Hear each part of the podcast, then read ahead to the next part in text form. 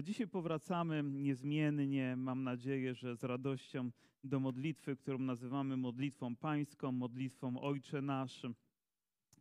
I gdybyśmy znaleźli się w gronie chrześcijan gdziekolwiek i chcieli pomodlić jakąś wspólną modlitwą, to ta byłaby wypisz, wymaluj idealna. Ponieważ gdy ją wypowiadamy, to wiemy, że jesteśmy w wyjątkowym, wyjątkowym miejscu.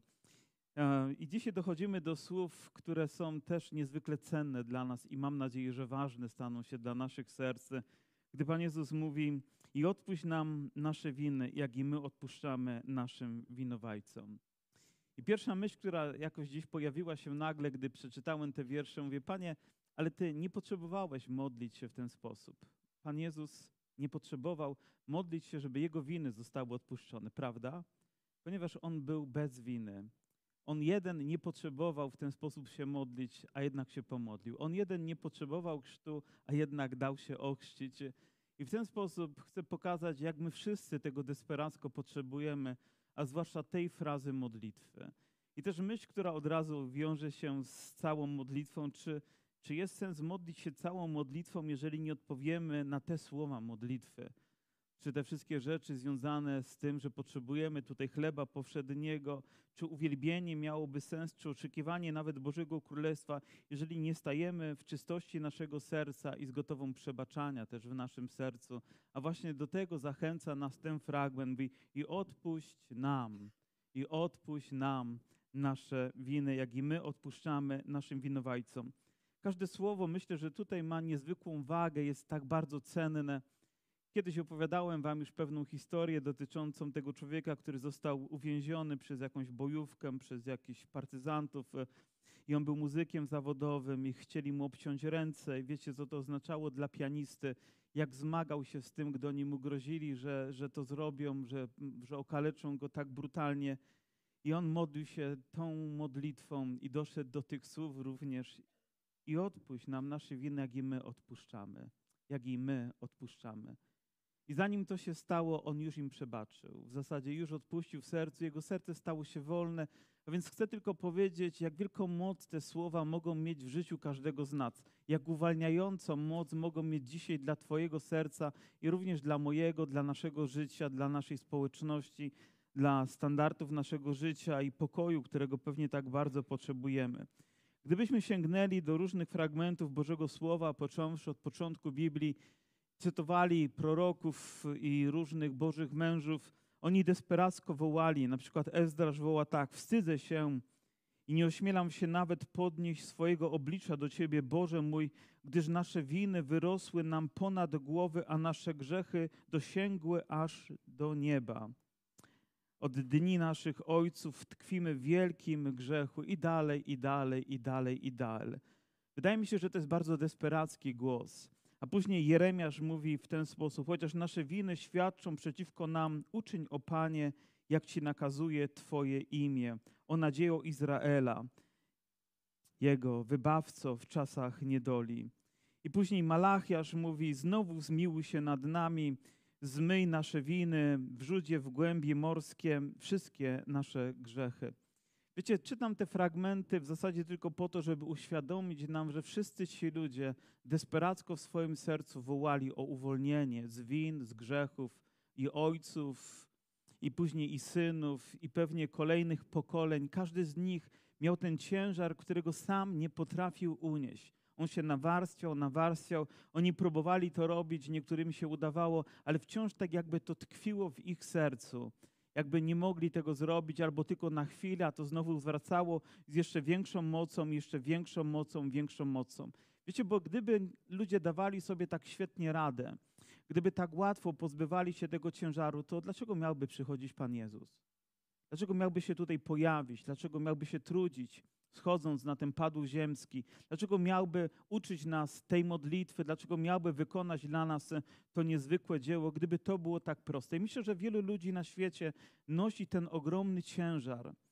Kiedyś czytałem taką książkę pod tytułem Słoneczniki. Nie wiem, czy ktoś z Was czytał um, opowiada historię, w zasadzie rozpoczyna się od pewnego SS-mana, który wzywa człowieka pochodzenia żydowskiego. Rzecz toczy się podczas II wojny światowej. SS-man jest poparzony, w zasadzie jego godziny są policzone, ale desperacko potrzebuje uwolnienia od ciężaru, który nosi w swoim sercu, ponieważ był jednym z egzekutorów y, no, masakry, która dokonała się rzeź na, na ludności żydowskiej. I on był tego świadkiem, on był tego uczestnikiem, on brał w tym udział. I te obrazy, które tam były, matki, które gdzieś w pożarze wyskakiwały płonące z dziećmi przez okno, prześladował go. Teraz sam, cały poparzony, woła o ratunek. Wzywa więc tę osobę, tego człowieka pochodzenia żydowskiego i prosi, żeby mu przebaczył, żeby on, przedstawiciel narodu izraelskiego, jakby przebaczył mu to wszystko, co miał. Wiecie, cała książka w zasadzie polega na tym, że ludzie później debatują, czy on powinien przebaczyć, czy nie powinien przebaczyć, czy miał prawo to zrobić, czy nie miał prawa tego zrobić. Nawet kwestia wyboczenia może być kwestią dyskusyjną, może być kwestią głosowania, różnych nastrojów, ponieważ różne emocje z tym się wiążą.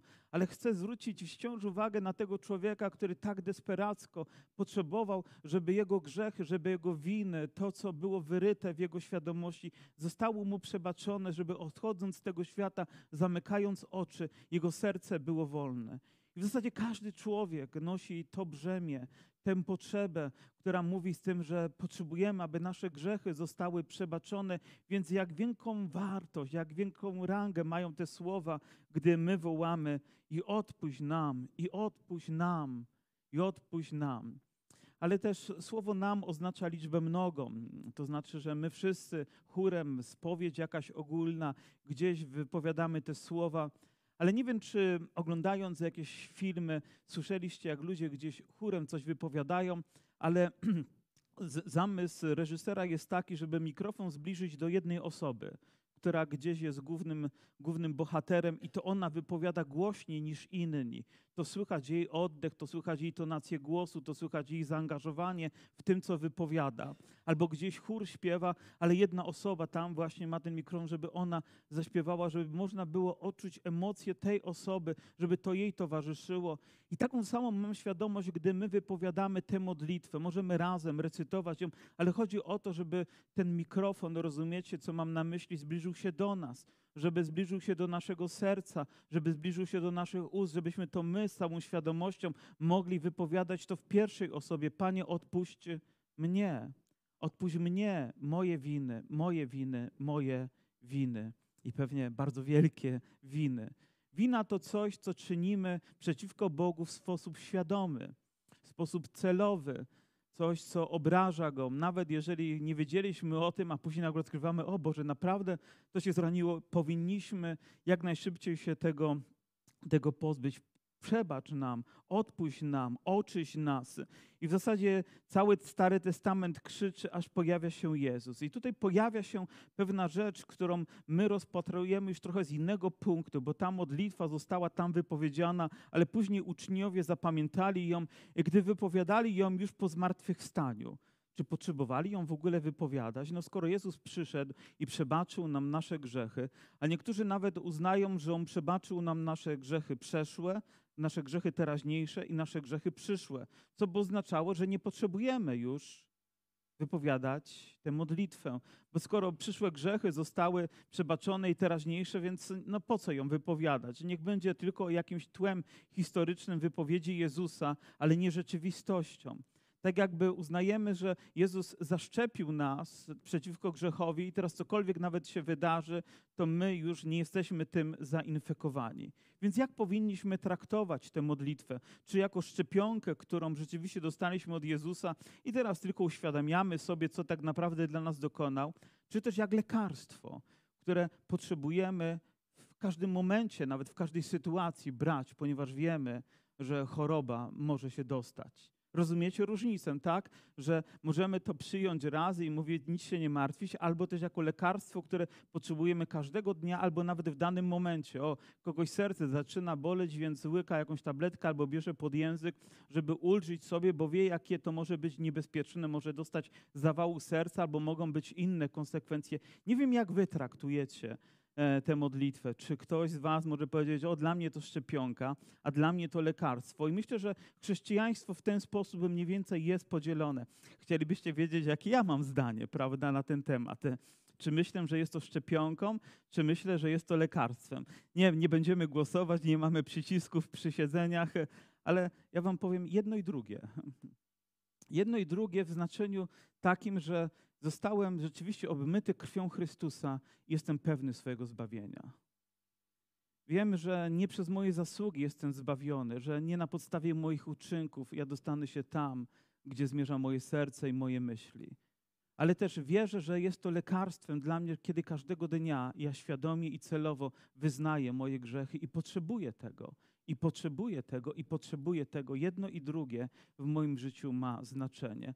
Więc jak widzicie, można wybrnąć z każdej sytuacji. Nie traktowałbym tego tak jednoznacznie. Wiem, czego dokonał dla mnie Pan Jezus i wiem, czego potrzebuję każdego dnia. Tak jak uczy nas też Jan, jeśli wyznajemy, jeśli wyznajemy, i to jest jakby czas teraźniejszy, ciągły, który wciąż dokonuje się w naszym życiu, grzechy nasze. Wierny jest Bóg i sprawiedliwy i odpuszcza i oczyszcza nas z wszelkiej nieprawości. Amen. Myślę, że to jest proste i nawet to jest jasne dla nas, kiedy możemy to zrobić. Kiedy mamy to brzemię, tę winę. Wiecie, bo każdy z nas coś zrobił przeciwko Bogu. Każdy. I potrzebujemy. Nawet y, przypominamy sobie tę historię, która dotyczy tego człowieka sparaliżowanego, które przyprowadzili do Pana Jezusa z nadzieją, że Pan Jezus postawi go na nogi, a Pan Jezus patrzy na niego i mówi: Przebaczone są grzechy Twoje. Nie tego się spodziewali, ale Jezus wiedział, co jest elementarną potrzebą tego człowieka. Nie wiem, z jakim oczekiwaniem ty przyszedłeś na to miejsce, ale największym błogosławieństwem, z jakim mógłbyś wyjść z tego miejsca, to wtedy, gdy twoje serce zostanie uwolnione od grzechu. Nawet nie zdajesz sobie sprawy, jak wielka radość będzie w tobie, jak wielki pokój zagości, jak wielka nadzieja się pojawi, że wszystkie te rzeczy, z którymi przyszedłeś, które wydają się teraz tak priorytetowe, nagle przestają mieć znaczenie, albo później po prostu dokonują się tak w naturalny sposób, Bóg to uczyni. Ale tą fundamentalną rzeczą jest poczucie winy. Nawet zdarzają się takie rzeczy, które, które wydarzyły się w naszym chrześcijańskim życiu, w naszym życiu już ludzi nawróconych, które były złe, które były niegodne naszego Pana. I może być tak, że poczucie winy, które nosimy w związku z tym, bo uczyniliśmy to jako ludzie zbawieni, powiem, towarzyszy nam. I również i w tym względzie, przynajmniej ja tak uważam, człowiek wierzący powinien świadomie wyznać to. Mało tego, nawet czasami potrzebujemy kogoś innego, z kim będziemy o tę rzecz się modlić, aby ona znalazła taką artykułację z nas, ale w obecności też innych, abyśmy podzielili się jakby tym ciężarem z myślą o tym, że, że zostaniemy uwolnieni od tego. Potrzebujemy. Myślę, że nie wszystkie prawa Boże są nam tak doskonale znane, że potrafimy je opisać w sposób techniczny, ale wiem, że kiedy zaczynamy je stosować, to one po prostu działają w nas, są uwalniające dla nas. I Pan Jezus wiedział, jak ogromne znaczenie w tym miejscu ma ta część modlitwy i odpuść nam nasze winy. Panie, odpuść nam. Może dzisiaj nawet coś wydarzyło się takiego. Może dzisiaj przyszła myśl, może dzisiaj pojawiły się niezdrowe emocje, może wczoraj coś powiedziałeś niewłaściwego. Możesz dzisiaj przyjść do Pana i wiem, że Jego łaska jest tak wielka. Nie zrobi to tylko ze względu na Ciebie, ale ze względu za swoje imię, bo Jego imię to Jezus. I On przyszedł, aby wybawić nas od. Od czego? Pamiętacie Biblię? Jezus przyszedł nas wybawić od, od grzechu. W. I proszę, nie mówcie tylko grzechu, tylko grzechów, ponieważ Słowo Boże mówi o liczbie mnogiej, a więc On przyszedł wybawić nas od naszych grzechów i w tym, w Jego imieniu zawiera się ta obietnica dla każdego, dla każdego z nas. Wiecie, jestem nieco zaskoczony, że nie znacie elementarnych rzeczy dotyczących Bożego Słowa, ponieważ to są takie fundamentalne jak ABC, takie mleko, które podajemy i wydawało mi się, że to jest taka oczywista oczywistość i chórem będziecie tutaj recytować to, a każdy chowa się za plecami kogoś, obym nie ja musiał to powiedzieć. Ale Jezus przyszedł wybawić nas od naszych grzechów w tej liczbie mnogiej, to znaczy, że potrzebujemy wciąż, aby się to dokonywało w nas. Nasze winy On wziął na siebie, nasze grzechy, nasze nieprawości, nasz obciążający nasz dług wziął. I później mówi, jak i my odpuszczamy naszym winowajcom. I o ile pierwsza część jest taką częścią intymną między nami a Bogiem, i wiecie co, lepiej czasami sprawę załatwiać z Bogiem niż z ludźmi, prawda? Ponieważ z ludźmi jest trudniej, trzeba spojrzeć im w twarz, trzeba konfrontacji czasami. Um, albo też takiego świadomego działania, gdy ktoś w bardzo taki emocjonalnie trudny sposób wpłynął na nasze życie, raniąc je, a teraz co? Ja mam wybaczyć, ja mam tak szybko się tego pozbyć, ja mam uwolnić się od tego. Wydaje się, że to takie proste. Ale wiecie, jeżeli w ten sposób myślisz, jeżeli rzeczywiście takie myśli kłębią się w tobie, to znakiem tego, że nie przeżyłeś w pełni tej pierwszej części. Wiem, co mówię. Mówię to z całą świadomością, bo jeżeli Ty rozumiesz, jak wielka łaska spotkała Cię, gdy Jezus dotknął Twojego życia, gdy Jego krew obmyła Cię, gdy ta chwila staje się tak wielkim uświęceniem w Twoim życiu, tak chwalebną chwilą, to nie będziesz miał problemu z tą drugą częścią. Po prostu pójdziesz z rozpędu niemalże swojego serca i zrobisz to, ogłosisz to. Powiem, będziesz pukał od drzwi do drzwi, żeby tylko powiedzieć o tym, że zostałeś zbawiony. Będziesz ściskał nawet największych wrogów, może nawet całował ich, powiem, z radością, wiedząc, że Jezus cię zbawił. Tak postępuje człowiek nowonarodzony. Idzie jak ta kobieta, która ukrywała się wcześniej przed całą wioską, gdzieś południe, gdy nikt nie patrzył. Ona wymykała się do studni, żeby zaczerpnąć wody, dopóki dopóki nie spotkała tam Jezusa, ale gdy go spotkała, powróciła z prędkością światła do swojej wioski i zaczęła wszystkim opowiadać o Jezusie. Zobaczcie, jak ogromną przemianę Bóg dokonał. Coś wydarzyło się w jej wnętrzu, w jej sercu. I myślę, że właśnie takich nawróceń potrzebujemy. Tak radykalnych, tak głębokich, tak szczerych, tak emanujących, że ta druga część staje się takim niezwykłym przywilejem dla każdego z nas. Aleluja, to jest naprawdę przywilej. Wiecie, bo to, co przebaczył nam Jezus, tak naprawdę jest niczym w porównaniu z tym, co my mamy przebaczyć komuś. Jest tak niewiele. To jest tak niewielka cząstka tego, co Jezus wziął na siebie, by nas ratować. A teraz oczekuje od nas tej małej cząstki, tylko żebyśmy ją wypełnili dla Jego chwały, żebyśmy też pokój mieli z innymi ludźmi. Ponieważ noszenie nieprzebaczenia w swoim sercu, powiem, ma radykalne skutki dla naszego życia. Nawet nie wiecie, jak bolesne i gdybyście spytali psychologów i psychiatrów, powiem, jakie konsekwencje są ludzi, którzy pielęgnują urazę do innych ludzi wciąż i wciąż i coraz mocniej i mocniej, powiem, to kończy się to dramatycznie. Kończy się to rzeczami, które są określone w psychologii jako pewne choroby. Można wpaść nawet w depresję, można mieć załamania, można mieć różne rzeczy. Kiedyś czytałem książkę pewnego Francuza, który jest świeckim człowiekiem, ale takim nawróconym i pisał tak głęboko na temat, e, na temat przebaczenia i potrzeby.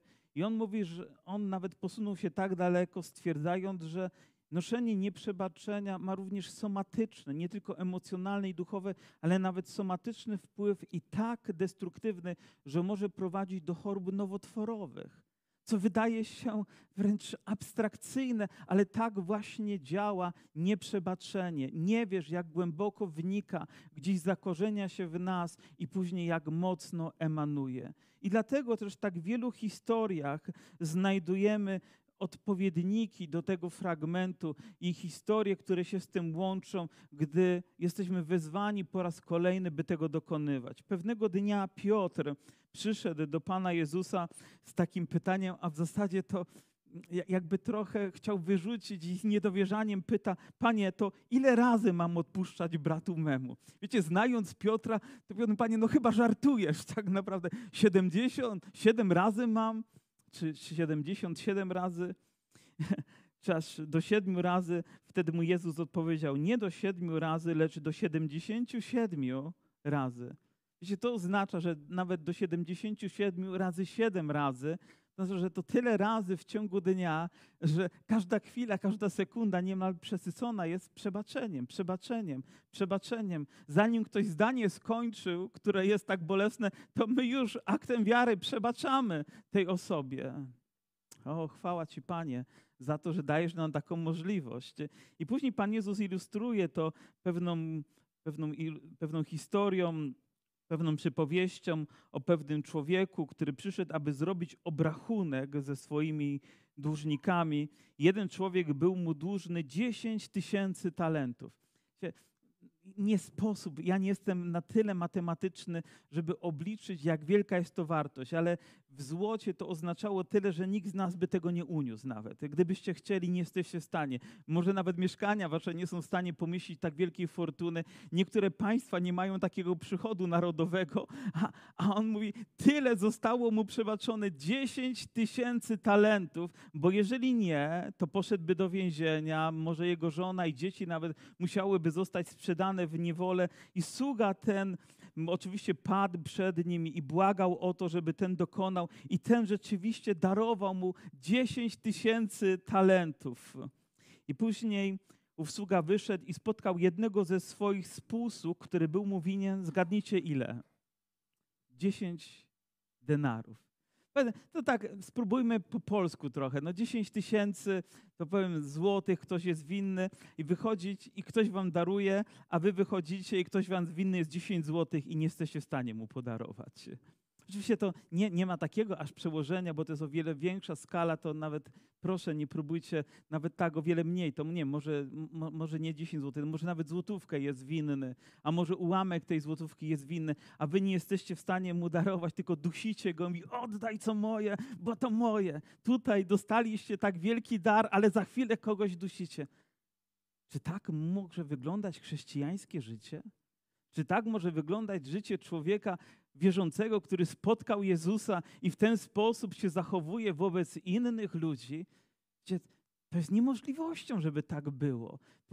Nie tak nauczyliśmy się Ewangelii, nie tak uczymy się Chrystusa i nie do takich wniosków dochodzimy, gdy czytamy modlitwę pańską i się uczymy, że przebacz nam, jak im i wybacz nam nasze winy, jak i my wybaczamy naszym winowajcom, bo to, co zostało nam darowane teraz, my z radością i wdzięcznością możemy darować innym ludziom. Nie ma na tej sali, nie ma na tej sali i nie ma poza nią takiej osoby, której ty nie byłbyś w stanie przebaczyć, jeśli jesteś prawdziwie wierzącym człowiekiem.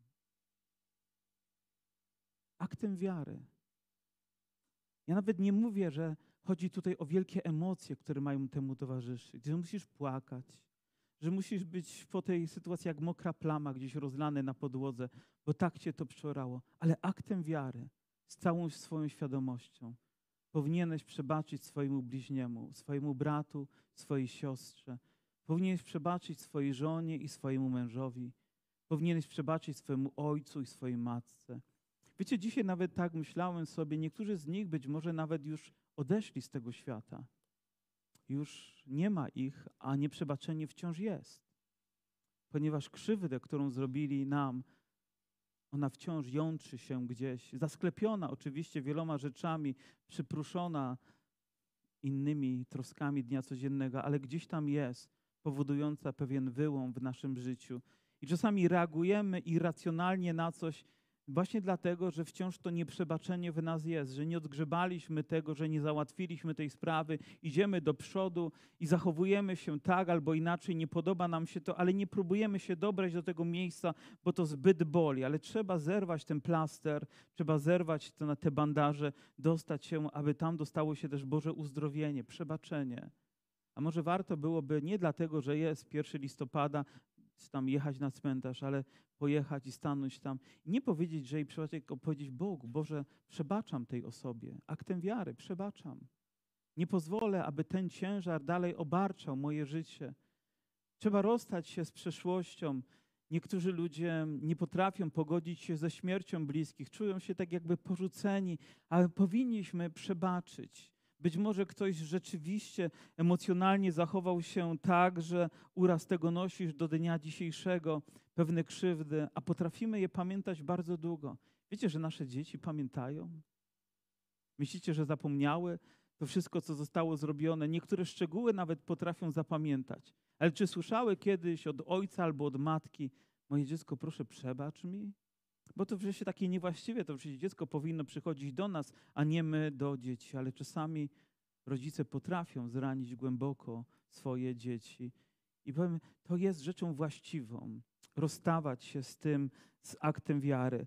A więc tamten nie darował, ale konsekwencje oczywiście poniósł tego, bo, bo powiedziano o tym e, temu człowiekowi zacnemu, ta wieść do niego wróciła, no i poniósł tego konsekwencje. Biada nam, jeżeli nie przebaczamy. I dochodzimy do, też do innych historii, które mówią, i będę pewnie musiał przeskakiwać, ale chciałbym powrócić przynajmniej do jednej jeszcze ze Starego Testamentu, do męża Bożego, który nazywał się Józef. Pamiętacie go? Miał powody, żeby nosić urazy w swoim życiu. Kto jak kto, ale on potraktowany, zdeptany, wbity niemal w ziemię, wrzucony do studni przez swoich braci, a później sprzedany do Egiptu. I tam na początku wcale łatwo mu nie było, ale Pan Bóg swojej łasce oczywiście wyciągnął go z tego miejsca. I wiecie, zanim przyjechali jego bracia, nim oni przyjechali po chleb, on już miał swoich synów. Jednego nazwał Manasses, bo powiedział: Bóg mi dozwolił zapomnieć o wszelkiej udręce mojej i o całym domu ojca mego. Wiecie, ja to nie nazywam inaczej jak przebaczenie. Zanim oni się pojawili, on już przebaczył. A gdy się pojawili, poddał ich pewnej próbie, ale on przebaczenie już nosił w swoim sercu. Być może nawet emocje się odezwały, ale on już miał syna, który nazywał się Manases. A cóż dopiero, gdy pojawił się Syn Boży, Jezus Chrystus, czyż w nim nie ma przebaczenia? Takiego kompletnego, całkowitego i bez reszty dla każdego z nas dla naszych win, nawet gdyby jak szkarłat były, to staną się jak śnieg białe na nowo. Tak obiecuje nam Boże Słowo, gdy Jego łaska obmywa nasze serce. A więc nie pozwalamy, żeby ten śnieg został zabarwiony, przyćmiony czymkolwiek złym, spowodowanym naszym życiem albo pielęgnowaniem jakichś urazów. Powiem, szkoda życia na to. Szkoda kolejnego dnia, szkoda zachodu słońca, by pielęgnować to, by zadręczać się tym. Czyż nie lepiej żyć w wolności, słuchając po prostu słów Pana Jezusa Chrystusa, który mówi, abyśmy przebaczali tak, jak i nam przebaczono. Tak po prostu i zwyczajnie byli gotowi jako Boży ludzie wznieść się na tą wyżynę. Kiedyś Luis Palau opowiadał pewną historię dotyczącą ewangelizacji, którą prowadził i on nie wiedział o historii, która gdzieś tam się toczyła wśród ludzi, którzy słuchali, ale było tak, że jeżeli dobrze zapamiętałem całą historię, że była pewna dziewczyna, pewna córka, która odeszła od rodziców, bo rodzice się rozwodzili i, i między nimi nie było źle by było źle, ale ona potrzebowała Jezusa i przyszła na tę ewangelizację. Okazało się, że na tę samą ewangelizację przyszedł ojciec, który był oczywiście w separacji ze swoją żoną i przyszła żona, która była w separacji ze swoim mężem i jeszcze to dziecko, które było w separacji z nimi wszystkimi i słuchali Ewangelię. Wiecie, i oni wszyscy zareagowali na wezwanie, które wzywało ich, by przyjść do Jezusa, by stanąć, jak my to mówimy przy ołtarzu potocznie, ale w miejscu, gdzie będziemy się modlić, gdzie będziemy oddawać nasze życie Panu Jezusowi. I oni modlili się, ale stali w różnych miejscach, ponieważ tłum wyszedł na środek, by zareagować na Ewangelię, a później gdzieś tłumie dostrzegli się nawzajem i zaczęli biec do siebie. I naprawdę rzucili się sobie w ramiona, ściskali się, pojawiły się łzy, pojawiło się przebaczenie, pojawiło się odnowienie. Wiecie dlaczego? Bo wszyscy przyszli do Jezusa po przebaczenie. Mówię, jakże chciałbym na nowo opisywać takie historie. Więc niezrozumiałe jest dla mnie, gdy ktoś nie może przebaczyć albo nie chce przebaczyć mężowi, albo żonie, albo bratu, albo siostrze, a mówi, że spotkał Jezusa. Jeżeli spotkałeś Jezusa, jeżeli naprawdę spotkałeś Jezusa, jeżeli Twoje serce zostało uwolnione od grzechu, to jesteś uwolniony do tego, żeby przebaczać. Jesteś powołany do tego, żeby przebaczać całym swoim sercem. Bóg jest tak niezwykły. Kiedy patrzymy na Szczepana, na tego pierwszego męczennika, jak go nazywamy, Wiecie, że w ostatnich momentach swojego życia kamienie spadały na jego ciało, a on gdzie był wpatrzony? No gdzie może być wpatrzony człowiek wierzący w takiej chwili w niebo? Zobaczył otwarte niebo, ale też e, wiemy, że ludzie robili to wielkiej nienawiści, ale on modlił się wcześniej, Panie Jezu, przyjmij mojego ducha, a później, Panie, nie policz im grzechu tego. Tak modli się po prostu człowiek wierzący, prawdziwie narodzony na nowo, pełny Bożego Ducha, pełny Jego święcenia. On wie, gdzie idzie, ale nie chce iść tam z problemami, które tutaj się pojawiają. On chce, żeby jego serce od początku do końca było wolne i rzeczywiście takim też się stało w Chrystusie.